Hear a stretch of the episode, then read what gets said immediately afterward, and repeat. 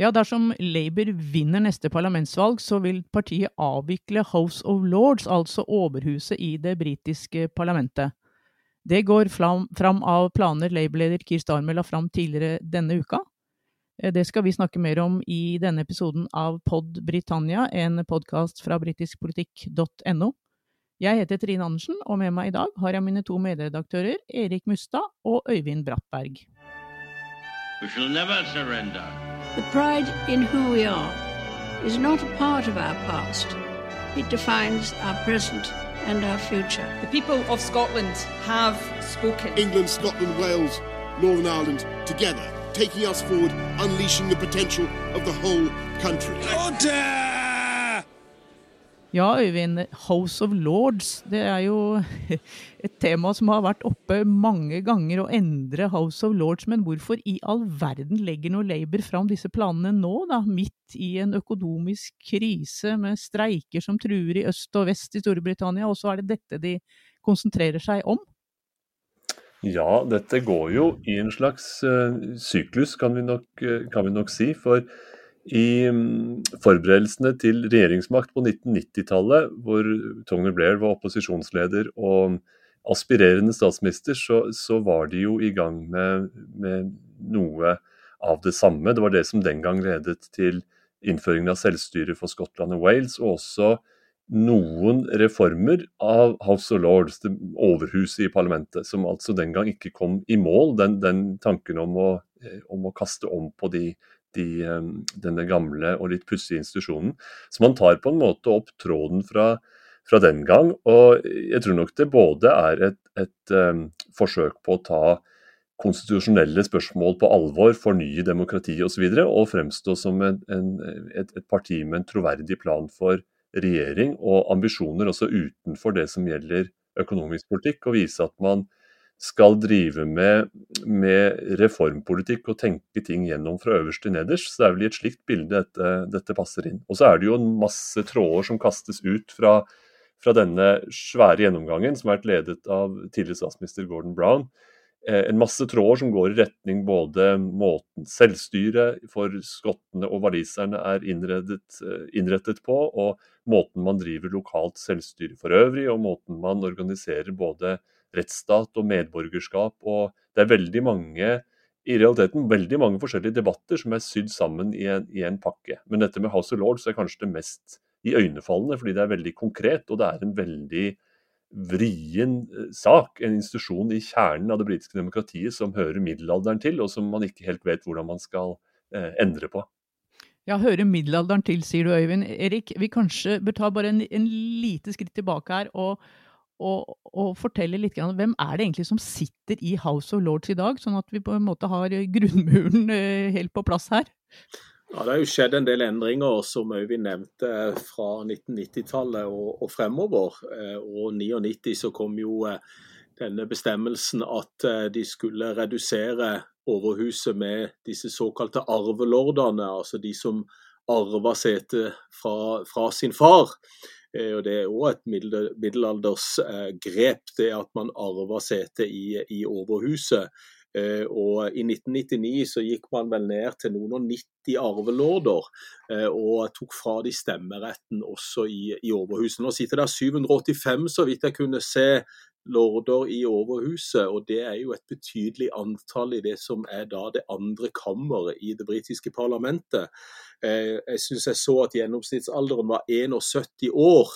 Eh, og i nyere tid så har man jo også oppretta høyesterett i Storbritannia. Det gjorde man i 2009, og fjerna de såkalte rettslordene fra overhuset fordi at overhuset også historisk sett har vært eh, den høyeste ankeinstitusjonen i det britiske rettsvesenet. Så Overhuset har jo vært en sammensetning av en rekke forskjellige eh, embeter, eh, og så har man da prøvd å skjære ned dette eh, de siste tiårene. Nå sitter man altså igjen med et kammer som er veldig, veldig stort, hvis man sammenligner Overhuset med andre kammer i andre europeiske og for så vidt liberale demokratier i Europa og, og USA, eh, hvor den, det andre kammeret er vesentlig mindre enn det overhuset er. Og så er jo ikke da overhuset demokratisk valgt. Det er jo enda utpekt, og består da hovedsakelig av det vi kaller livslorder, som da nomineres gjennom regjeringen, eh, utpekes av statsministeren og velsignes av dronningen.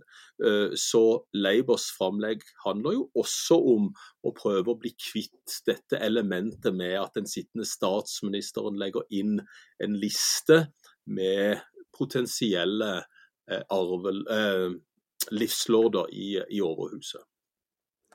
Det er jo en, en, det er en veldig, på, på, en måte en veldig typisk eh, britisk institusjon, dette her. Hvor man har, har det som eh, Lignende forsamlinger var det jo andre, andre, som holdt seg med også, i føydalsamfunnet eller i, i middelalderens samfunn, hvor en eneveldig konge trengte skatt makter og trengte mannskap til krig, og da må man ha en slags legitimitet omkring det. Så da, da kaller man inn stormenn som skal stemme over det, og det var da opphavet til, til House of Lords, som jo var sammensatt av eh, aristokrater.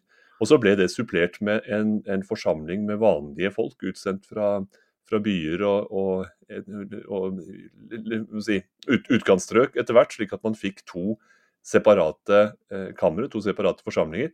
Og så har man beholdt denne innpakningen på House of Lords, bare endret adelskapets eh, innretning på en måte, og, og innført spesielt eh, viktig reform, denne eh, livstidslords-ordningen på 1950-tallet, hvor, hvor eh, både politiske utnevnelser og senere også mennesker som skal hedres for, for eh, et, godt liv og virke i sivilsamfunnet osv., får en adelstittel som skal vare livet ut, og en plass i overhuset som skal vare livet ut. Og Slik har man eh, opprettholdt en slags fungerende forsamling som bærer med seg utgamle eh, titler og prinsipper, men som har, har fått en slags moderne, funksjonell form. Det er bare det at den er ikke demokratisk.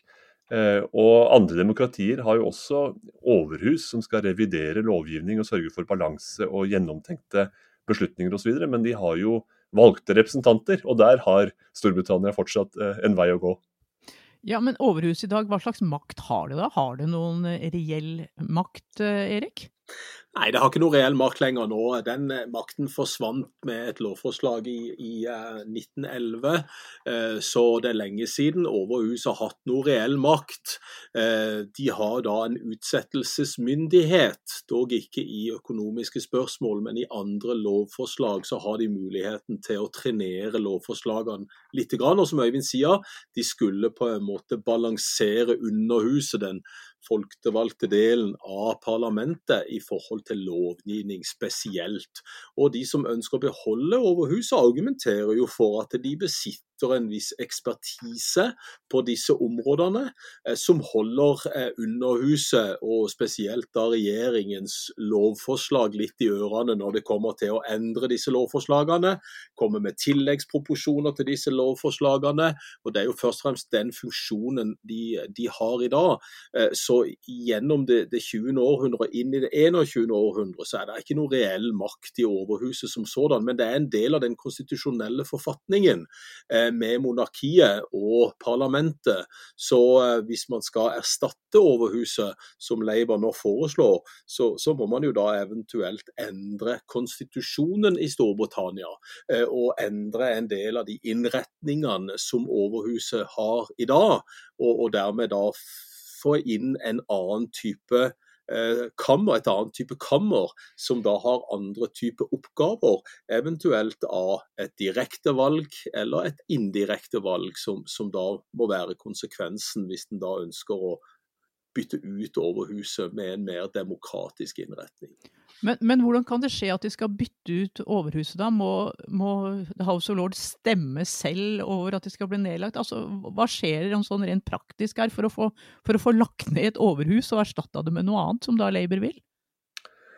Det vesentligste må være at man får et, eh, en, eh, et, et politisk flertall i Underhuset mobilisert omkring en, en, egnet reform, altså en egnet eh, grunnleggende endring av av Overhuset. og Det vil da gjerne være basert på, på eh, forslag som, som begge kamre har blitt enige om. Altså Denne typen prosess har man jo gått inn i også tidligere, og den har, har sugd opp mye politisk energi og mye politisk goodwill på, på, veien. og Det siste forsøket var jo under eh, David Camerons regjering, faktisk, hvor dette var en, en viktig programsak for liberaldemokratene, som da ønsket å, å fornye demokratiet og, og, og, la grunnlaget for en sånn utredning. Og den åpnet jo alle de dilemmaene man, man, eh, man straks ser. Det er jo en Pandoras eske av problemer å skulle gjøre om på, på et, eh, et, system som det, som det britene har. For hvis man åpner for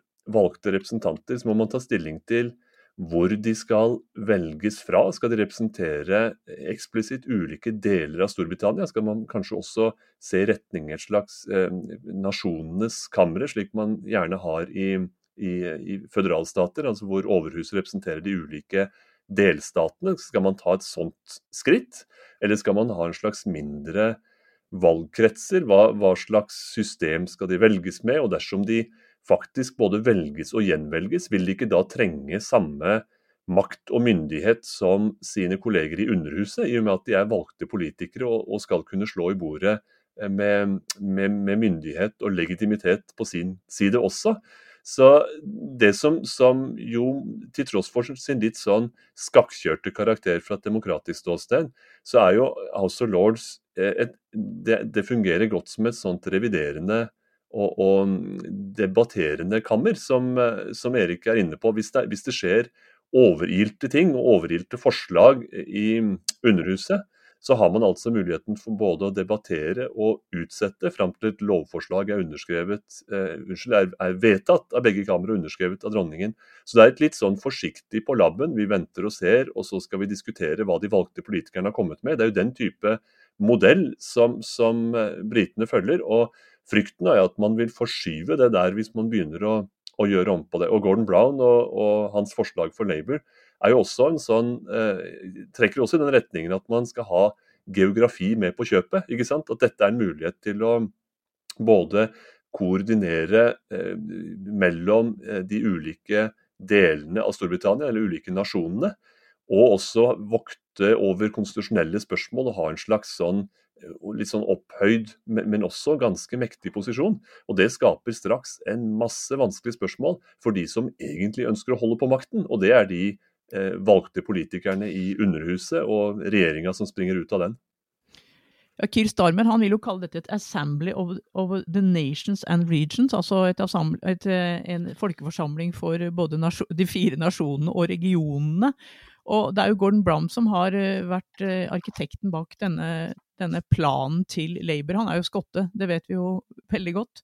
Og Er dette også på en måte et innspill fra Labour for å demme opp mot Eh, denne uavhengighetsbevegelsen og SMPs ønske om et selvstendig Skottland? Ja, det er det helt sikkert. fordi Vi vet jo at Labour både sentralt og i Skottland ønsker å bevare Skottland som en del av den britiske unionen. Eh, og Dette er jo også en del av den samme retorikken som ble brukt på slutten av 90-tallet, om å prøve å holde unionen samla, men å gi regionene og nasjonene, da, som ble gjort den gang med, med indre selvstyre, eh, holde de fornøyde, sånn at de forblir en del av Storbritannia, og ikke går den veien som eh, skottene nå gjennom det skotske nasjonalistpartiet har, har gjort, og søke en eh, ny folkeavstemning om, om skotsk eh, tilhørighet til den britiske unionen.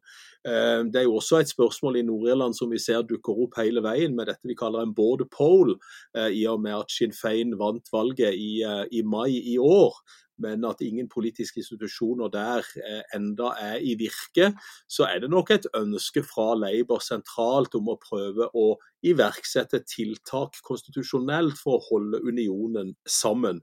Så det at et nytt kammer eventuelt skal reflektere nasjonene og regionene, det reiser jo òg et spørsmål ikke bare om folkevalgte og hvordan de skal velges, men også i hvilken grad det da kommer i konflikt, kontakt og konflikt med det skotske parlamentet, folkeforsamlingen i Cardiff, i Wales og i Belfast i Nord-Irland. Hvordan skal man da eventuelt sørge for at disse områdene holdes atskilt fra hverandre? Eh, der kunne jeg ikke se at det var noen gode forslag fra Labour i forhold til allerede det selvstyret som finnes i dag, eh, og om dette her da eventuelt vil komme som et lag opp oppå de regionale folkeforsamlingene og det skotske parlamentet.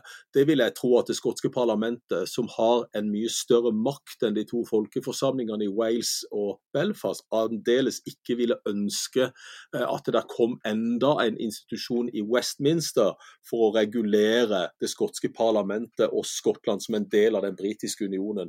Så her er det nok eh, flere politiske eh, utspill som, som vi ser Labour nå prøver å, å, kanskje adressere i forhold til unionsdebatten, som har gått mer i sprikende retning i de siste årene enn i en samlende retning.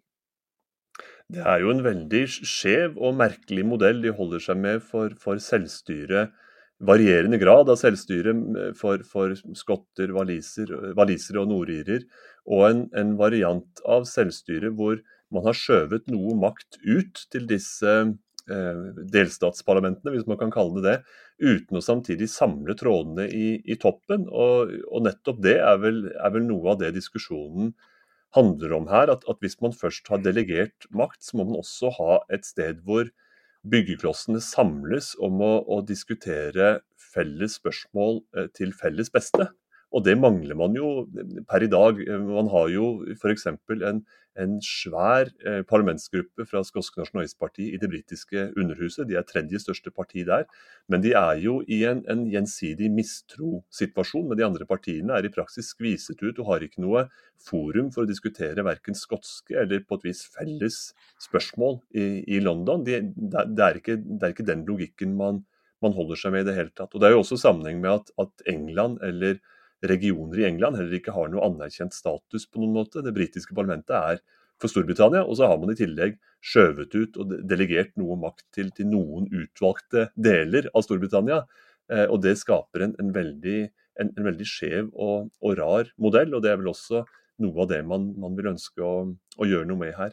Men et tilleggshensyn som jo er veldig aktuelt, er jo at man ønsker, det er det mange som gjør, å, å, å rydde opp litt i i politikkens litt sånn eh, kameraderi.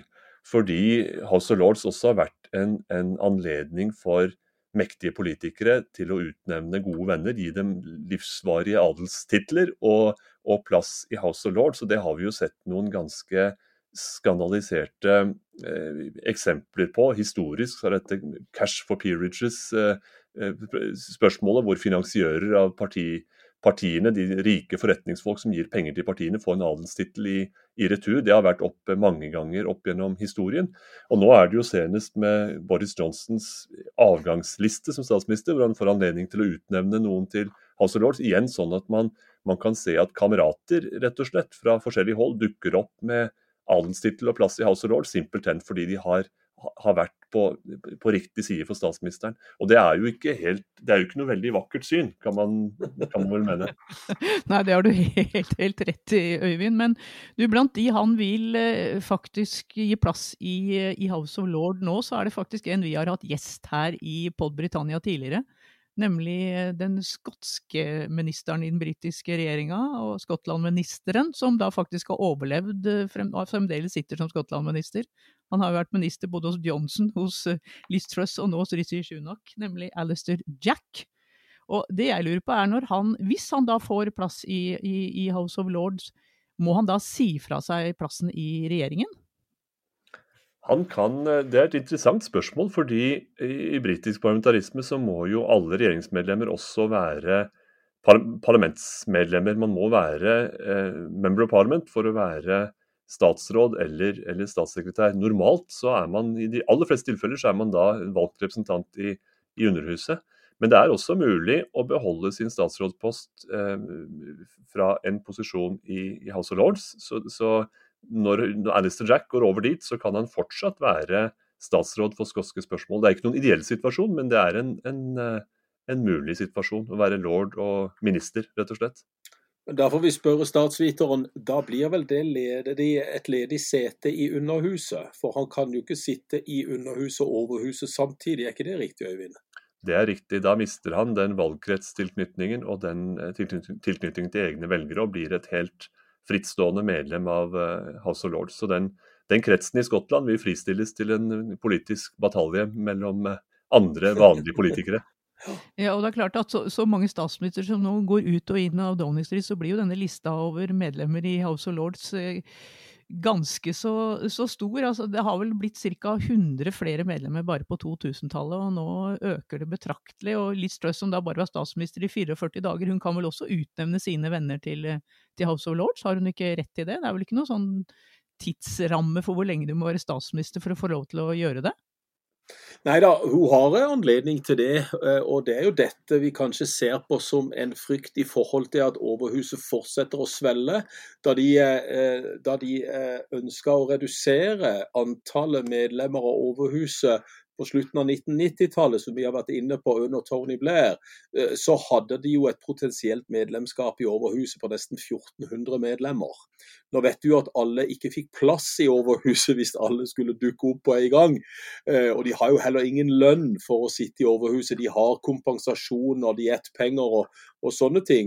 Men, eh, og det var jo aldri 1300-1400 som kom, men det var jo et ønsker da ikke bare å redusere arvelordene og ta bort stemmeretten fra arvelordene, men de ønsker jo å nedskalere antallet som satt i Overhuset, for å få det inn i håndterbare former, som jeg husker Tony Blair sa mot slutten av 1990-tallet, altså i 1999 da dette kom.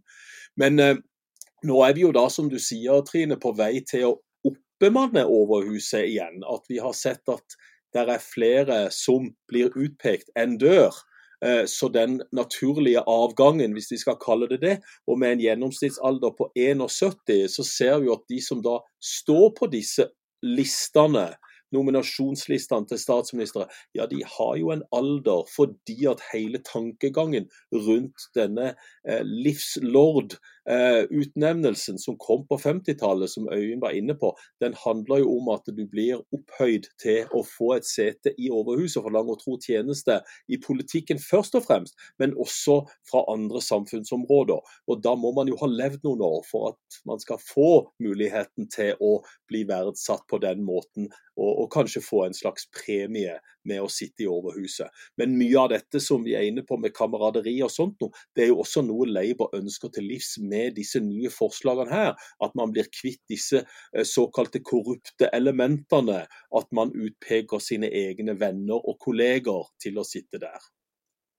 Og Det går jo hele denne eh, utnevnelsessagaen som man har sett helt tilbake til eh, altså Det er flere britiske statsministre opp gjennom historien som har vært beryktet for dette. Lloyd George var det tilbake i, for et hundre år siden. og Harold, Harold, Wilson, som jo var en hedret Labour-statsminister, fikk også sitt renommé delvis ødelagt på denne lavendelisten lavendellisten som han skrev ut da han gikk av, hvor, hvor en hel masse gamle kompiser havnet i, i, House of Lords. og Det er jo ikke pent. og det, det, er jo på et vis i direkte motsetning til der historien startet også, hvor, hvor stormenn og aristokrater var en slags motvekt til til kongemakten, eller til utøvende makt, og var noen, noen som på en måte skulle kunne stå opp mot det som, det som var kongens vilje. Eh, nå er jo ikke kongen spesielt involvert i dag, da, men hvis man setter statsministeren i, i, hans sted, så er det jo noe humbug at, at um, han skal kunne, eller hun skal kunne utnevne lojale venner til å være en, en viktig, etterprøvende og, og motvektdel og en forsamling som ikke skal være kongens eller statsministerens kompiser, men, men eh, egentlig noe helt annet. Så det er, et, det er blitt et, et, merkelig samrøre, dette her. og det er gode grunner til å diskutere det, men så har også historien vist at slike forsøk raskt kjører seg fast. Så det blir spennende å se hvor denne prosessen fører videre.